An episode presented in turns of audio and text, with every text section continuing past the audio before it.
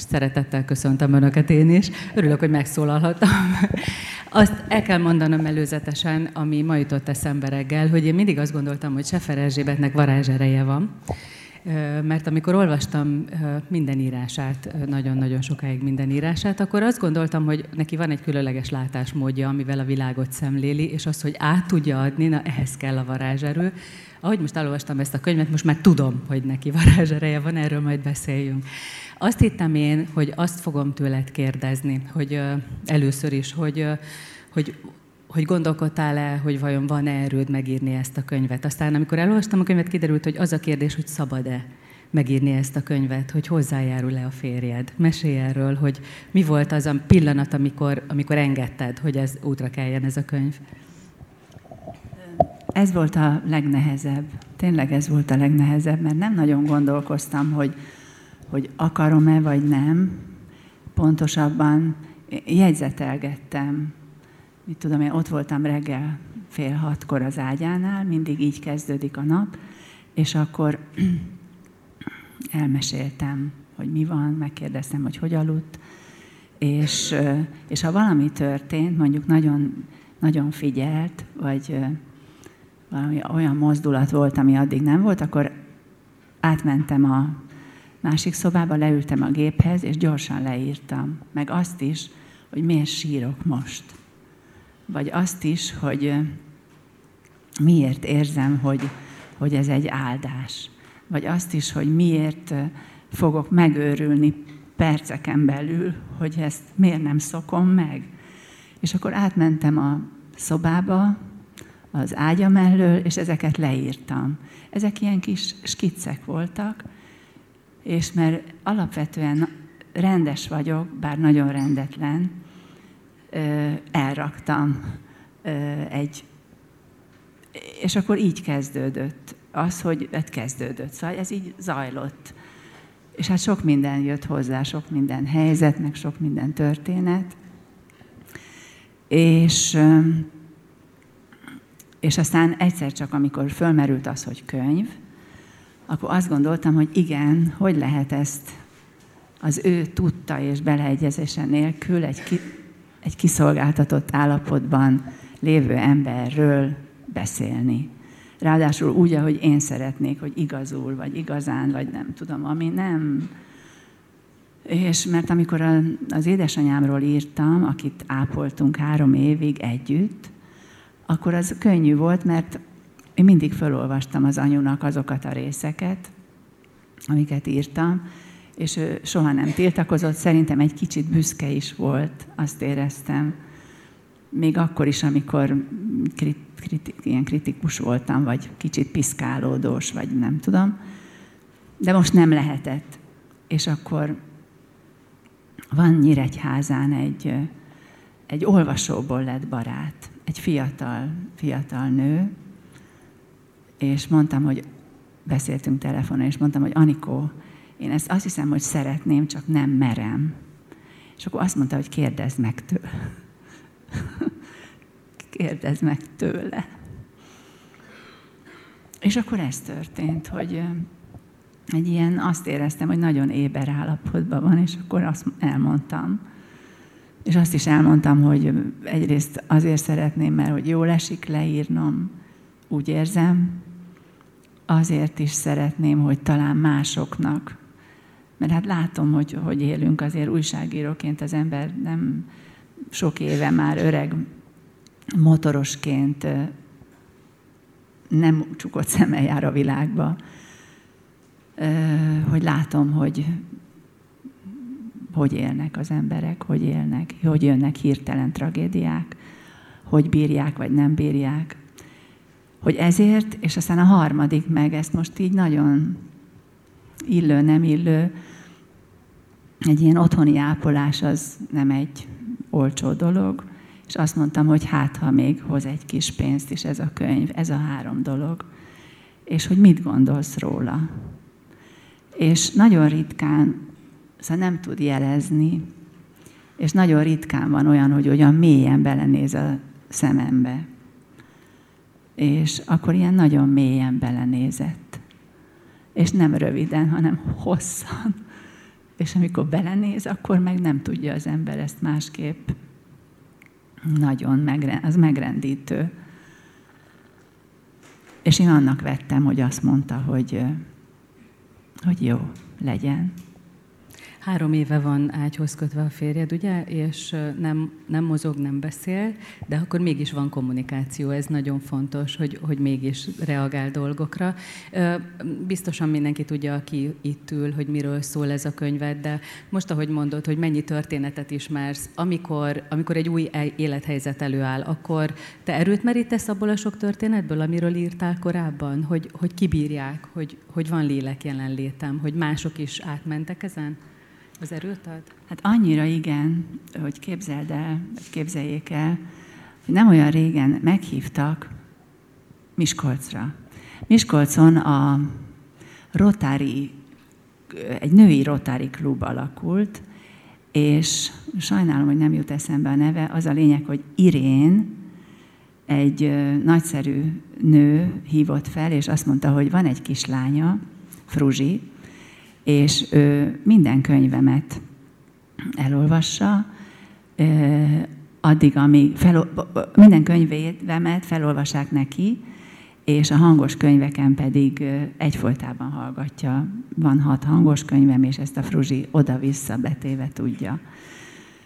És ő volt a meghívó, ő szervezte ezt a dolgot, hölgyek lesznek jelen, ez egy női dolog, segítő, segítő angyaloknak hívják magukat, és miskolci angyalok. És hogy elmegyek-e. És nagyon nehéz volt, mert nehéz volt. Délelőtt tízre, tízkor kezdődött az előadás, és ők, ő várta vonatnál. Ő, nem tudom a nevét, csak az Irén, akire azt mondta, azt mondta hogy engem otthon Csicsinek hívnak, szólíts te is majd úgy, de ez már később következett be. Csiri, csiri, csiri. És akkor ott volt az állomáson egy nagyon megejtően rokonszenves hölgy. Mondta ő, hogy a Fruzsi beteg, és pont amikor a férjem beteg lett, akkor, akkor egy nagyon rossz állapotba került, lélegeztetőgép és egyedek, egyebek, de ő is eljön erre, erre, erre a délelőtre. És akkor bementünk a terembe, és ott volt egy tolószékben egy mosolygós,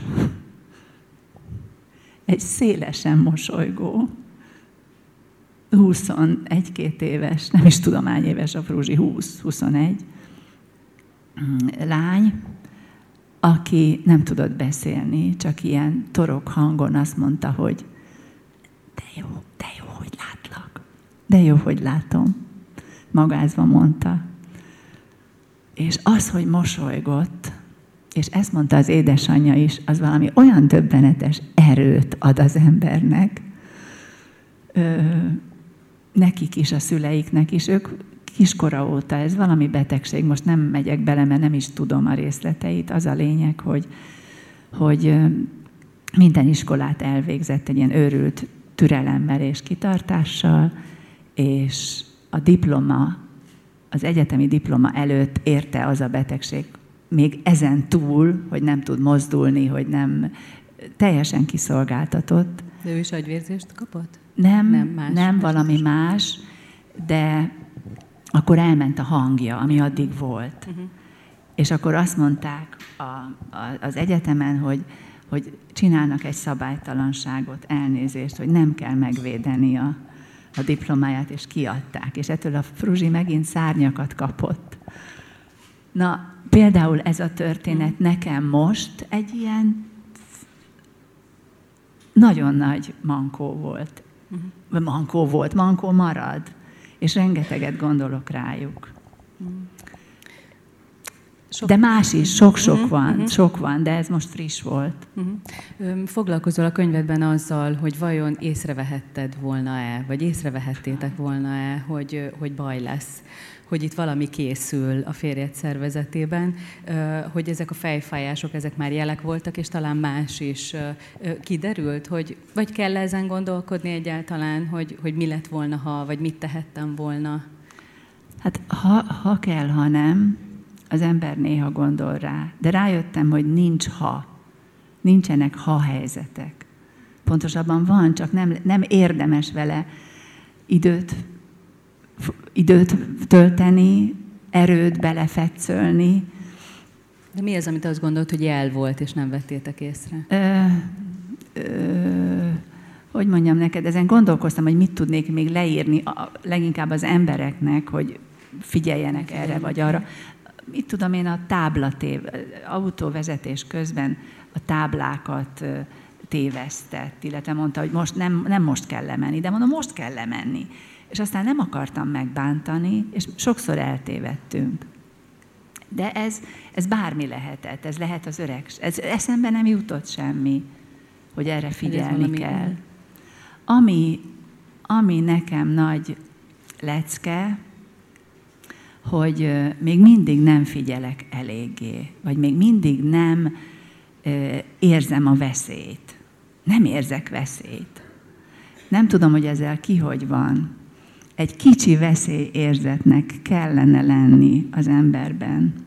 Például, amikor öt napig lábon hordta ezt a nyavaját, beszélt, abszolút rendben volt. Erre mondta egy orvos, hogy ember nem ismerte volna föl, hogy ez agyvérzés. De hát ott volt ez a pokoli fájás. És ott volt egy nem panaszkodó férfi. Nem panaszkodnak a férfiak.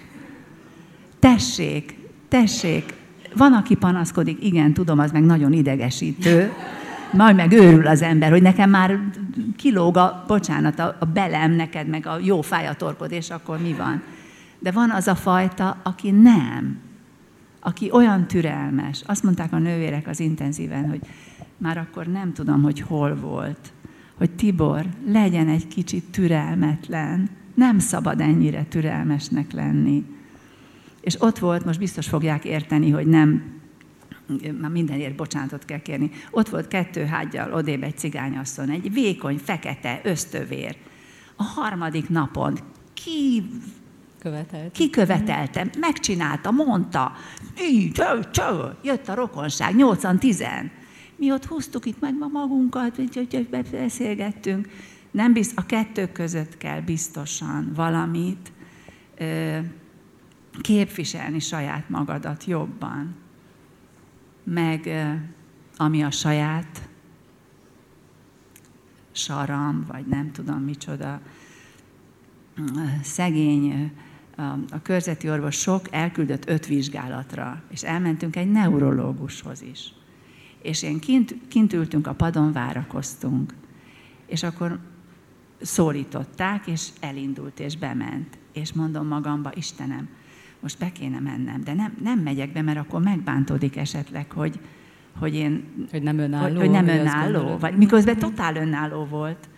Én csak a fejfájást tudtam.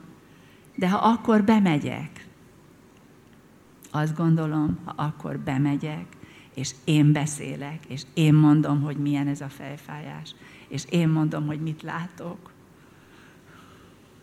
Szóval azt, azt éreztem, talán ezt le is írtam, hogy van megint a megfelelés, hogy valaminek meg akartam, bocsánat, valaminek meg akartam felelni, annak, hogy ne hozzam őt zavarba.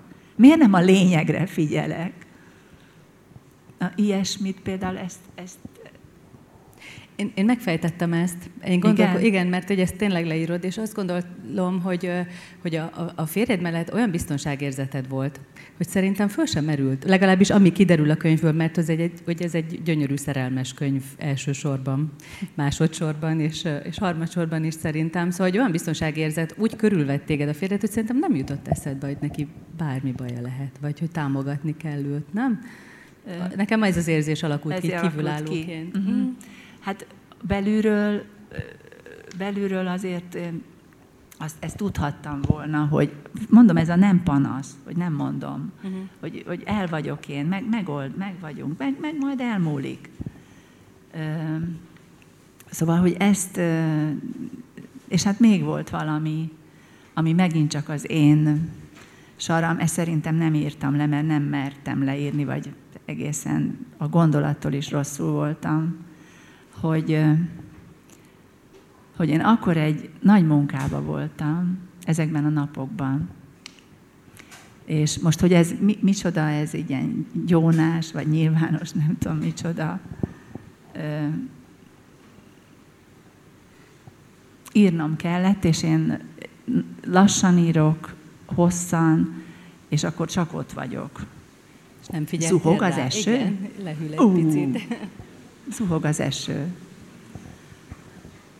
Ö, nem baj, a kapuajba is ott van, jó kis helyek vannak.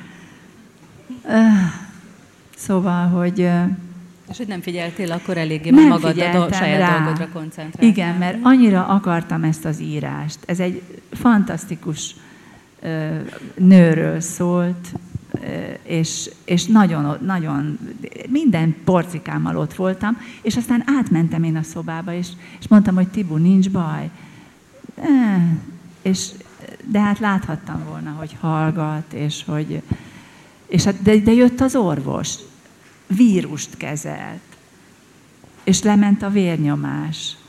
És hát szóval úgy visszapörgetve, na ez nekem egy nagy, nagy, hogy nem lehet. Van a munka, igen, csak utólag már könnyű tudni, hogy mi volt.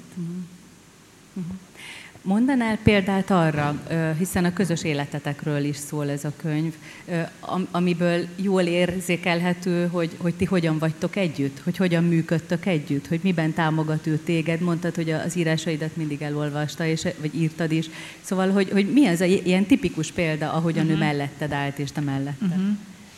Hát ezt lehet, hogy nem írtam le, ezt találkozókon néha elmesélem, nagyon friss egyébként, jön a friss.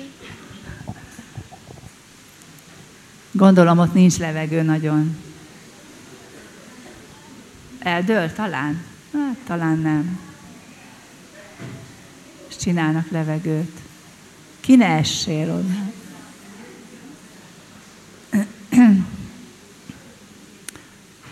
Hogy történetet kérdeztél, Igen, ugye? igen. Hogy, hogy Ezt, ezt lehet, hogy nem, nem írtam le talán, de mondom, ezt találkozókon ókor-ókor elmesélem, és lehet, hogy nem is passzol ide, de azt hiszem mégis, hogy sokáig rádióztam, 15 évig a Mit üzen a rádióm, és a külsősök akkoriban a rádió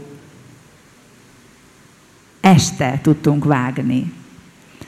Esti órákba bementek, akik nem tartoztak oda szor. Ú, fantasztikus. Itt maradunk. Majd akkor mesélek mást is.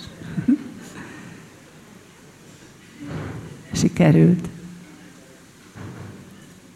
Na, és, a, és külsősök bementünk, és megvágtuk az anyagokat, ez az esti órákban volt olyan, olyan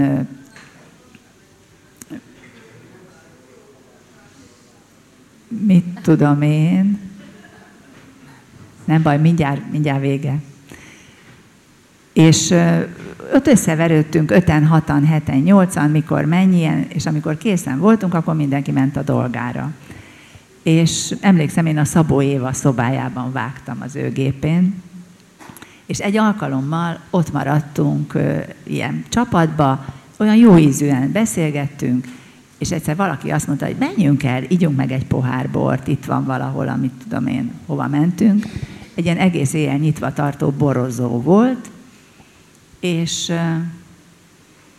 elmentünk. Ez volt, mit tudom én, 10 órakor, legközelebb az órámat megnéztem, volt zsíros kenyér, hagyma, jó kis borocska, és hát iszogattunk, beszélgettünk, és fél kettő volt legközelebb. Úristen, mondom, fél kettő. Na, még úgy elment az idő olyan, tudom én, kettő, fél háromig, és én akkor mentem haza. És emlékszem, hideg volt, és úgy büntetésként, ú, most kell számolni, és akkor, ja, villámlásnál kell számolni. Ez itt van valahol. A könyvsátrak a Oros Marti téren. Szegények. Na. És szóval borosan mentem haza, ez a vége, a, és leszálltam a buszról, hogy úgy átfújjon a szél, legalább egy kicsit kiviózanodjak. Nem voltam, nem voltam részeg, de olyan jó spicces. És akkor hazaértem, bementem, és a férjem mindig jól aludt. És, és ott álltam az ágy előtt, hideg volt mindenem, és azt mondja, hogy egyszer csak, hogy bújjál már be. Mondom, hát de hideg a combom. Azt mondja, nem baj. És akkor bebújtam, és nem szólt semmit. És mondom neki, figyelj ide, Tibu, száz éve élünk együtt. Én már azért nem vagyok, már olyan ötvenes voltam. Nem vagyok olyan nem kérdezed meg, hogy hol voltál, hogy mégiscsak mit csináltál, meg hol, vagy mi, és akkor azt mondja, hogy érzem. és akkor mondom már, hát mondom, igen, egy kicsit. De mondom, azt nem, nem, nem kérdezed, vagy nem, hogy te hogy képzeled ezt, hogy ilyenkor jössz haza, meg hát azt mondja, figyelj ide. Mondom, de nem gondolkozol rólam néha? És úgy gondoltam, hogy majd valami vallomást ott kicsikarok. És akkor azt mondta, hogy az előbb pont rád gondoltam, és arra, hogy olyan vagy, mint a világszép nátszál kisasszonyba. Emlékszel, amikor a nádat elvágják, és a lányok kibuknak a nádból, és mit mondanak legelőször? Azt mondják, hogy vizet, vizet, mert mindjárt meghalok. Azt mondja, úgy kell neked a szabadság, mint azoknak a víz. De azt mondja az én filozófikus emberem, hogy de a szabadság az mindenkinek kell. Mondom, hogy te, és neked? Azt mondja, én szabad vagyok itt az ágyba is. és tényleg, ő szabad volt a gyerekek mellett, a konyhában, szabad volt az ágyban is. Szóval, hogy így voltunk, vagy így is voltunk, hogy nem kellett, hogy nagy barát, hogy, hogy igazi társ volt, vagy, de ez most egy, ezt is ugye elmeséltem már néha. Mondjak még? Igen. Hogy nagyon szerettünk táncolni. Nagyon szerettünk táncolni. Nem szeretem a múlt időt. És egy alkalommal kaptam egy ilyen báli meghívót. Ezt, ha aki hallotta, már ne haragudjon, hogy megismétlem. És egy, az olasz nagykövet rendezett egy állarcos bált, itt az olasz intézetben, és arra. És ilyen nagy opera hősöknek lehetett felöltözni, és mondom a férjemnek, figyelj ide, menjünk el, menjünk, táncolunk, igazi bál. És akkor megnézte, azt mondja, hát ez egy puccos hely, ő ide nem jön. És mondom, de hát akkor kivel menjek? Én el szeretnék menni. Azt mondja, találsz te ott magadnak partnert. Mondom, de hát nem vagyok húsz éves. Mindenki társa, mindenki párba jön. És akkor mondta, hogy hát majd valami lesz. Könyörögtem, kértem, nem sikerült. És akkor a fiam eljött. Mondom, hogy írjam a hátamra, hogy a fiammal jöttem. És akkor a lányom meg olaszul tudott, azt mondja, én meg tudok olaszul. Mondom, de ott nem beszélni kell, nem táncolni. Na, ő is eljött. Én Azucsénának öltöztem, egy cigányasszonynak a trubadurból, azt hiszem. És az a lényeg, hogy ők ketten, az én két gyerekem elment táncolni, én ott ültem, és majd meghaltam. A zene mert mindenki párba volt, és gondoltam, hogy édes jó Istenem, most vagy hazamegyek, vagy valami lesz. És gyerekkoromban volt egy ilyen, hát egy ilyen szokás, vagy babonám, vagy nem tudom micsoda, hogy a jobb, a bal sarkon meg kell fordulni háromszor, csukott szemmel, és kívánni valamit. Csukott szemmel elmondani, hogy mit szeretnél, és forogni. És gondoltam magamban, hogy hát háromszor nem, mert itt ülnek ott is, meg nézek, meg mit De egyszer megfordultam, és azt gondoltam magamba, hogy édes jó Istenem, mindegy, hogy milyen, kopasz, alacsony, magas, szemüveges, szakállas, bajuszos. Mindegy, csak férfi legyen, és akarjon velem táncolni. És az volt a döbbenet, hogy amikor kinyitottam a szemem, ott állt előttem egy jóvágású férfi, nálam egy, igen igaz, nálam egy kicsit fiatalabb, nem sokkal, itt a reverjén egy ilyen régi fajta katonai cári kitüntetés volt, mint később kiderült, meghajolt, meghajolt, és azt mondta, hogy Mihály Mihálylovics Gyenyikin vagyok a 42-es cári ezredből. Szabad a tánc rendjét? Mondom neki, az egész éjszaka magáé. Senki más nem volt. És akkor nem csak ez volt, hanem úgy táncolt, mint a mesébe. Szóval minden tudott, minden formát, és tudják, milyen az, amikor nem izzad valakinek a keze még évfél felé sem, hanem néha ittunk egy kortybort, azt mondja, hogy hát menjünk a büfébe, nagyon elegáns büfé van. Gondoltam magamba, hogy hát enni mi én tudok mindenhol, mindenkor, de így táncolni. Úgyhogy nem ment. Mondtam, hogy köszönöm szépen, nem vagyok éhes. És akkor isztunk egy pohár bort, és táncoltunk. És tényleg nagyon jó volt. Misának kereszteltem el, Misa. És kiderült, hogy ő ö, ilyen antikos, aki becsős, becsős volt, aki ö, ezt a régi orosz cári kitüntetést valahol szedte össze, ezért volt ez a kitüntetése. Ez volt a jelmeze. És akkor éjfél után nem volt már zenekar, hanem ilyen lemezeket, vagy szalagokat, amit amiket raktak föl, és föltettek egy argentin tangót. És az argentin tangó, hát ezt is így el szoktam mesélni, egyszer voltam Buenos Airesbe, és elvittek a kikötőbe, és ott volt egy ilyen órás tangó kurzusunk, és akkor Hát az a rossz lányok tánca, a kikötőbe várják a matrózokat, hát azért olyan feszes, olyan nagyon kitartott, egy kicsit, szóval nagyon morikálos, nagyszerű tánc a tangó, és a Misa ezt is tudta. A Misa ezt is tudta, a lába között ki, áthúzott, különböző for, formákat járt, jártunk, és akit, ha jól vezetnek, akkor lehet mindent táncolni, és már a vállamról lecsúszott a blúzom is, a ráhajolt, volt egy rózsa a fülembe, az a a szájába volt már. És hát ilyen nagyon jól ment a tánc, és úgy filmezték a lábunkat, és akkor meg az ember, ha filmezik, akkor még jobban csinálja, és egyszer csak látom, hogy a falnál az én lányom így, így néz, ilyen riadtan néz minket, és amikor vége lett, ott álltunk lihegve, akkor oda rohant a Kinga, és azt mondta, hogy mama, azt gondolom, hogy haza kéne mennünk. És akkor a Marci rohant utána, és azt mondta, mert az meg egy igazi lovag, azt mondta, figyelj ide, én megbízom a mamában. hát egy kicsit még táncoltunk, és aztán hazamentünk. És a férjem fönn volt. És mondja, hogy na, volt táncosod? Mert ő igaziból drukker volt, hogy nekem legyen táncos. Mondom, hogy képzeld, volt. Azt mondja, és kicsoda? Mondom, egy cári kapitány. És az az igazság, hogy én kétszer kaptam meghívót a következő évben, soha többet előtte, és soha többet utána. És akkor mondom a férjemnek következő januárban, hogy jött egy meghívó. Azt mondja, na jól van, elmegyek. Eljött, és én is megkaptam a magamét, mert ki volt ott, kit láttam legelőször meg, Misa volt, ugyanabban a jelmezben, egy dögös, vörös ruhás nővel, nagyon jól táncoltak, és akkor mondtam a férjének, mondom, nézd meg, ő volt az, de most megcsalt az átkozott. szóval, hogy ezt csak azért meséltem, mert egyrészt, mert nagyon szeretem ezt, emlékszem erre, hogy milyen igazi volt a,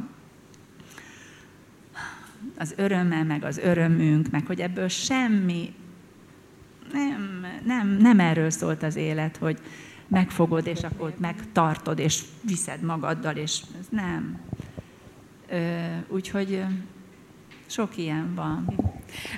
Az nagyon izgalmas, vannak levelek, hozzáírott levelek, régi levelek Igen. a könyvedben, és azon gondolkodtam, hogy hogy, hogy azokat hogyan válogattad bele, mert hogy mind arról szól, hogy ő mennyire szabad, mennyire hívják, kérik, gyere, tedd ezt, tedd azt, és olyan, mint, mint hogyha ilyen légies lenne, ő megfoghatatlan. Szóval ezekből a levelekből, hiszen a reakcióit nem látjuk, csak a neki írott kéréseket, hogy, hogy mind, mindből ez derül ki, hogy ő ilyen megfoghatatlan volt mások számára. Ezért gyűjtötted ezeket így?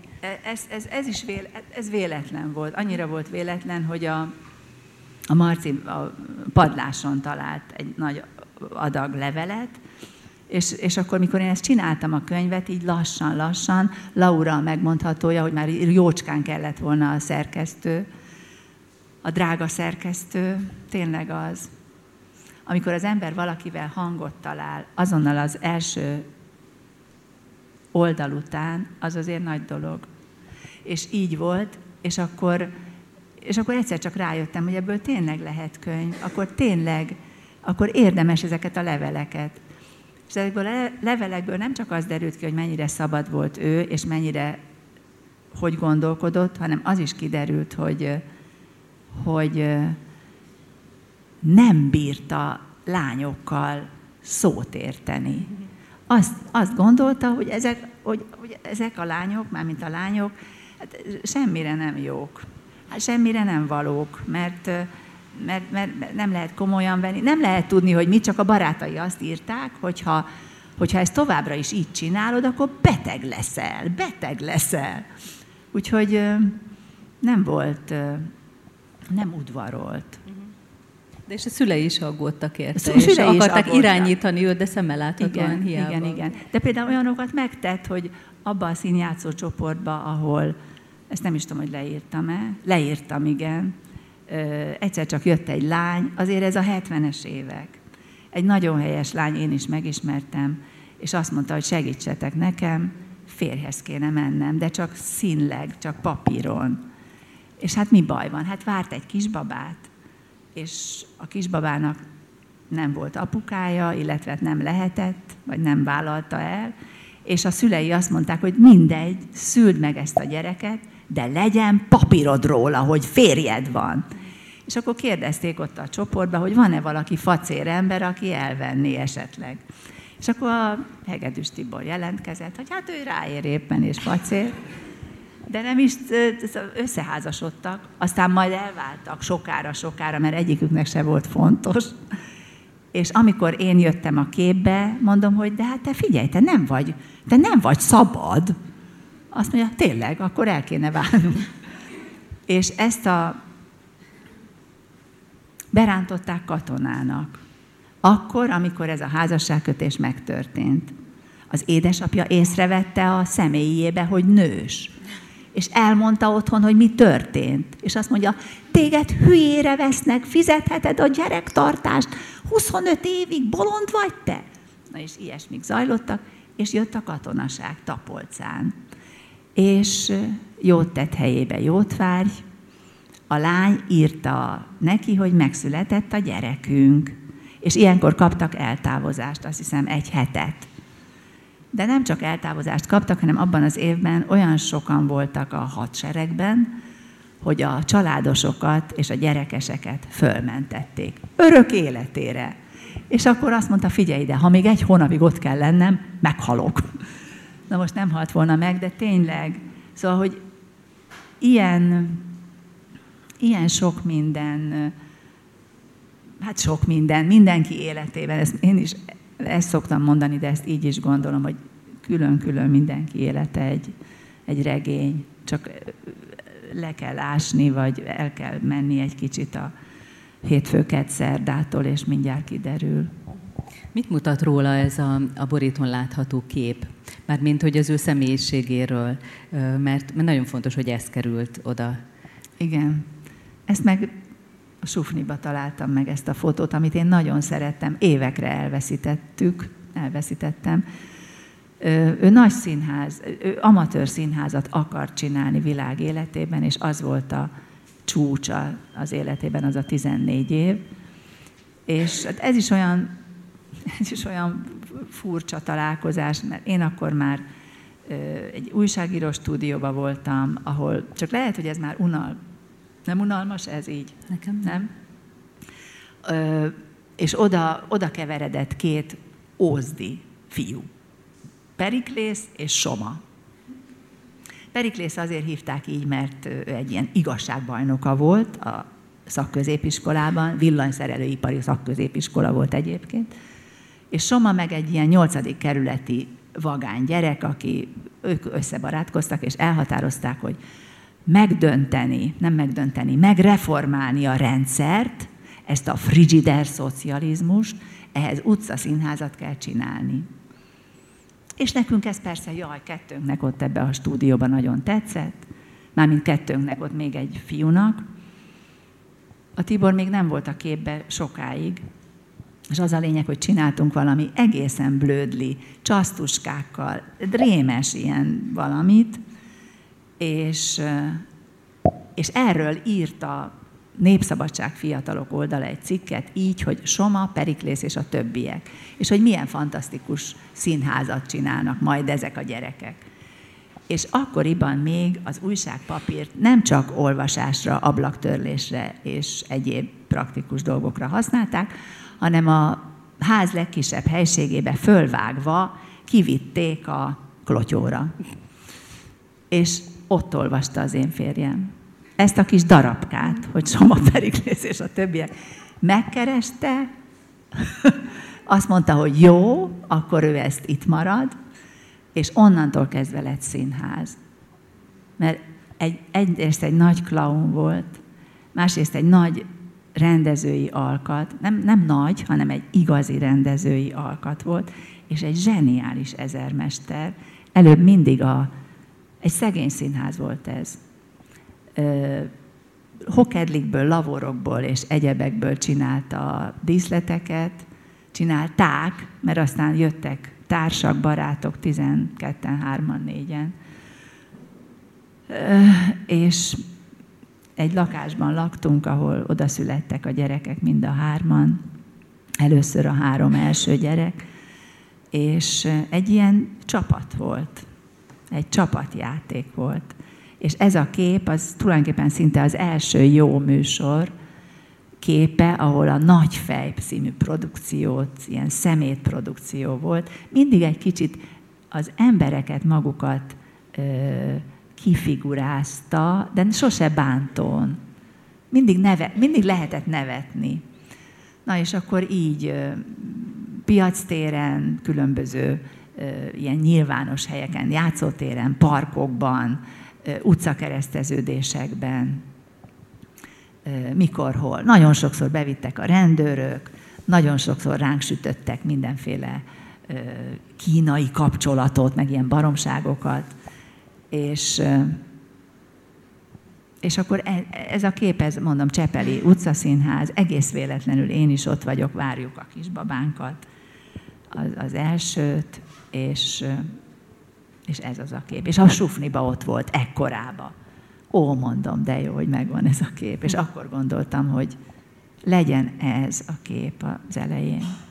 Azért csodálatos róla olvasni ezeket a történeteket, és azért is gondoltam, hogy, hogy mindenképpen itt a közönségnek is mondd el, hogy, hogy mi ez a kép, mert, mert így, amikor haladunk a könyveddel, és, és a döntési helyzetekkel, hogy igen, hazaviszem, nem hagyom a kórházban, hogy, hogy vállalok mindent. Szóval hogy a ti kapcsolatotokat megismerve megérti az ember, hogy ez nem volt kérdés, pedig azt mondták, hogy nem lehet őt otthon ápolni, ugye? Igen. Azt mondták. Tehát nem Igen. volt kérdés számodra, hogy haza kell vinni és mindent vállalni. Ugye? Ö, nem volt kérdés számomra, de megijedtem az elején. Az első nap ijedtem csak meg, nem amikor hazavittük, hanem amikor el kellett dönteni, hogy hazavisszük. És akkor azt gondoltam, Úristen, ágy, matrac, nem szabad, hogy felfekvés legyen. Mi lesz a, mi lesz a, és akkor felhívtam egy ilyen ápolási osztályt, hogy, hogy mi a rendje ennek és a telefon után leraktam, és azt mondtam, hogy hazavisszük, ha van ágy, ha nincs matrac, ha, akkor is hazavisszük. És onnantól kezdve csak egy ilyen felszabadult állapot volt, megmondom őszintén, minden orvos azt mondta, hogy ezt nem lehet megcsinálni, és minden ápoló azt mondta, hogy ezt meg lehet csinálni. Ez olyan érdekes volt. És rengeteg ápoló, nővér ott a kórházban még mondta, még loptak is nekem leszívót, hogy legyen otthon akkor az első napokban. Hát, szóval, hogy, hogy lehetett. És minden jó, ami történt, az otthon történt. De most nem viccelek. Volt egy lyuka a nyakán, azt mondták, hogy hát ez majd be lehet for, de hát egy, egy légzőkészülék. Nem kellett. Jött egy ilyen vagány nővér, le is írtam, befogta az ujjával a lukat. Mondom, Erika, meg fog fulladni, ne szórakozz. Azt nem fog megfulladni, nem látod, hogy lélegzik? Hát akarja. Nem látod, hogy akarja? És így ment, hogy, hogy én nem biztos, hogy láttam rögtön. Egyszerűen, mert hogy így aggódtam. Egy év azzal telt el, hogy, hogy aggódtam és reszkedtem. Nem látszott ez rajtam. Csak aztán lett egy ilyen egyhetes, nagy, nem is tudom micsoda, nem tudom mi volt az, de nem voltam magamnál. De ez egy év után. És, és mindent meg lehetett csinálni, sőt, azon is gondolkodtam, hogy én nagyon sok olyan embert ismerek, aki nyitott a világra, és nagyon segítőkész, és odafigyel másokra, te is ilyen vagy, de azok az emberek általában nem jól fogadják a segítséget, hogyha ők szorulnak rá a segítségre. Te milyen vagy ilyen szempontból, hiszen kiderül a könyvedből, hogy rengeteg olyan impulzus ért azóta, annyian fordulnak feléd, mióta ez az új élethelyzet van, hogy, hogy ez téged is megdöbbent. Elfogadod, vagy tudod elfogadni ezt? Én azt mondtam magamról, hogy én tudok elfogadni segítséget, sőt, én kérek. Ilyen nagy szájúan mondtam, hogy húzom a bőröndömet az utcán, és segítenek fölrakni, a, és én ezt megköszönöm. Átadják a helyet, és megköszönöm. Ö, ilyeneket. És ebből azt gondoltam, hogy igen, kölcsön tudok kérni, és visszaadom. Ö, és itt igen, nagyon sok mindent el tudtam fogadni, és el tudok fogadni, és mégis voltak ilyen kicsi lépcsők, amikor észrevettem, hogy Úristen, én nem, nem akarom engedni, nem, azt én tudom jól. Ez pedig akkor volt, amikor az ápolásnál esetleg nem úgy nem azt ér, úgy éreztem, hogy a nővér nem úgy csinálja, hogy én szeretném. És akkor... De ez féltésből volt. Ez féltésből is volt, azt hiszem. Féltésből is volt, és nagyon érdekes, hogy mindig, ez most nem túlzom el, azt hiszem, ekkoriban találkoztam a Kovács Adéllal, a színésznővel. Készítettem egy interjút vele, és elmesélte, hogy amikor a kislánya mellé először nővért fogadott, mert visszament dolgozni, akkor nem akarta. Nagyon nehéz volt odaadni úgy, hogy oda bízza teljesen, hogy rábízza, hogy odaadja a bizalmát, a szeretetét, az aggódását, mit tudom én, micsodát. És ez nekem egy nagy, nagy üzenet volt, vagy nagy lecke, és tényleg így van, hogy hajnalonta fönt vagyok, és akkor jár az agyam, hogy akkor most másként kell csinálni. És tényleg lehet másként csinálni. Ez is kiderül a könyvedből, hogy, hogy teljesen kéretlenül, váratlanul segítenek emberek. Tehát hoznak egy táli ételt, vagy többet, vagy, vagy támogatnak, és, és az is érdekes lehet, hogy, hogy, hogy te azt elfogad, nem? Hát az... Érdekes helyzet. Az, az most nagyon érdekes helyzet, meg nagyon... Azon mindig amikor hoznak egy leturmixolt három üveg levest, vagy ilyen pépes dolgot az első napon, az akkora segítség volt, és azon nem sírtam el magam. De amikor ismeretlenül jöttek ezek a pénzadományok a postaládába, csak úgy név nélkül, az azért mindig megviselt. És megmondom őszintén, képzeljék el, hogy most nem olyan régen, uh,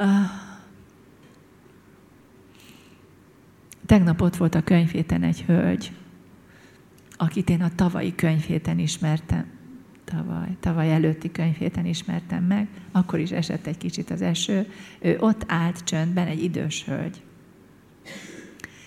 És azt mondta, hogy engem megvár. De mondom, én sokáig lesz. Nem baj, engem megvár megvárt, és kért tőlem valamit, azt, hogy a könyvéhez írjak előszót. Ő egy virágkötő volt. Virágkötő nem volt, van. És mindegy, hosszú menet volt, megírtam az előszót, találkoztam vele Debrecenből, mesés, mesés élete, és drámai örömteli, amilyen minden, de ő nem akármilyen. Úgy hívták otthon kiskorában, hogy becses. Milyen szó ez? Becses. és őt az élet jó helyzetbe hozta. Sok rossz év után jó helyzetbe hozta, és először kaptam tőle egy láda almát. Aztán kaptam egy ilyen mesebeli adventi koszorút, és most kaptam tőle, őtőle tudom, hogy a tulipánt, ő virágkötő, a tulipánt nem kell állandóan vízben tartani. Éjszakára érdemes kivenni, újságpapírba becsavarni és a hűvösre tenni. Nagyon meghosszabbodik az élete, mert a vízbe csak rohad a szára. És, és egyszer csak ott hagyott egy közeli boltban az unokatestvére egy, egy ajtóra akasztható koszorút, és volt mellette egy boríték. És kinyitottam, kinyitottam, és sok pénz volt benne. És akkor fölhívtam, és mondtam, hogy Gyöngyi, nagyon beteg lett tavaly, és most ott volt bottal bicegve a könyvhéten. És mondtam, hogy ilyet nem szabad. Azt mondja, de én most megtehetem. Szóval, hogy ilyeneknél az ember és mindig akkor jön, amikor nincs. amikor nincs éppen, vagy úgy van. Na mindegy, nem ez az érdekes, csak hogy döbbenetes az embereknek a... Nem jutott eszembe, hogy fölírjam, vagy fölrakjam a nőklapja és a cégünk, ahol dolgozom, internet mi fenéjére, hogy segítsenek, mert nővért keresek. És napokkal ezelőtt, hete, fölraktam, hogy elfáradtunk, aki tud esetleg, keresünk nővért. És özönöltek az ötletek. És van köztük két brilliáns ötlet. Mármint, hogy brilliáns ember, aki talán fog tudni segíteni. Szóval, így jön. Még egy kérdésem van hogy egyrészt, hogy tudod-e, hogy hol van, a kérdésre válaszolva, hogy hol van ő most, és mert, mert szemmel láthatólag itt van, csak be van zárva a testébe a nagy szabadság ellenére most be van zárva, de hogy mit gondolsz erről te? És a másik az, hogy azt írtad, hogy ez egy terápiás, vagy azt mondtad, hogy ez egy terápiás folyamat volt, ahogyan a könyvet megírtad. Változott-e valamit a világról a szemléletet? Tehát, hogy így valamit újságíróként, íróként adott-e hozzád ez az elmúlt három év? Más, más látsz a világból? Mert hiszen ezeket tudtad, más történetek révén tudtad, hogy mi, mi történik az emberekkel. Hát hogy is mondjam, nagyon más, olyan nagyon mást nem. Mert hogy, hogy az a nagy bizalom, ami mindig, nem tudom minek mondjam, ez egy ilyen ősbizalom talán, hogy az mindig bennem volt. Meg az is bennem volt, hogy, hogy nincs vége, hogy olyan végtelen az életünk, hogy minden helyzetben, ilyen csuda dolgok történnek. Mert tényleg azt gondolom, hogy, hogy a gyerekekkel beszélgettünk, hogy hol van. Hogy ő annyit szolgált, annyit adott, annyit tett, annyit rakott mindenkibe, gyerekekbe, belém, a szomszédokba, hogy, hogy, hogy ez most lehet, hogy nem is csak, hogy pihenés, hanem ezt a Fanni mondta, hogy hogy mindig ő, ő tette a gesztusokat, most meg mi? Hát nem is hagyta magát, nem hagyta magát masszírozni, mindig ő masszírozott. Nem hagyta magát sokáig dédelgetni. Most, most lehet dédelgetni. Szóval, hogy ezt én ezzel nem akarok visszaélni. Mert azt is mondtuk, hogy ami neked jó, ami neked jó, nem, nem, nem lehet önzően itt tartani valakit aki nem akar. De hogy ezt érzem, hogy, hogy, hogy akar valamit. Egy hónapja, reggel, ha oda megyek, ez sose volt, oda megyek, elkezdek beszélni, és elkezd jönni egy hang belőle, ő csinálja.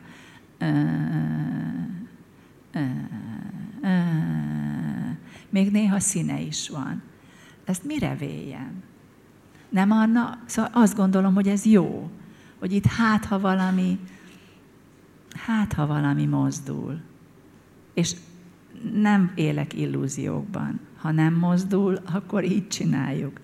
De, de ezt nem lehet tudni. Ezt a csókai volt olyan drága, hogy átjött a Csókai András, aki aztán a, elég sokat tud az agyról, a professzor, kiderült, hogy Csillaghegyen lakik. Nem jutott eszembe a neve.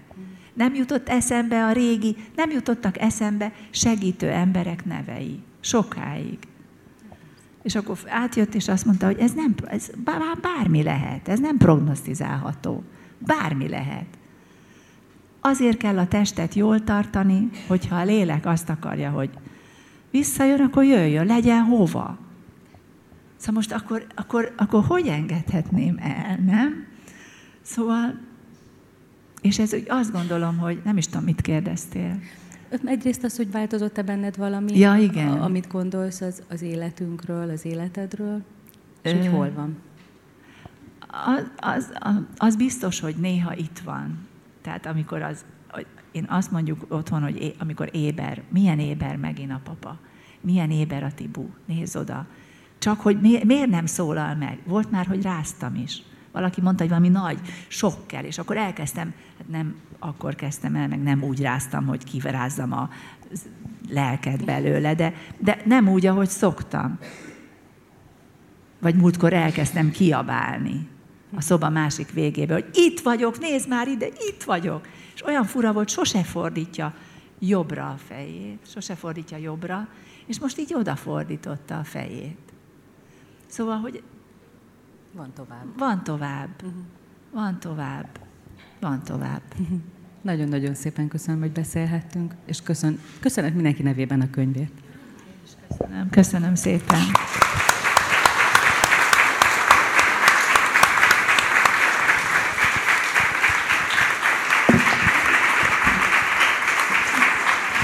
Nagyon szépen köszönjük, és a beszélgetést is. A könyv dedikálására ö, lent kerül.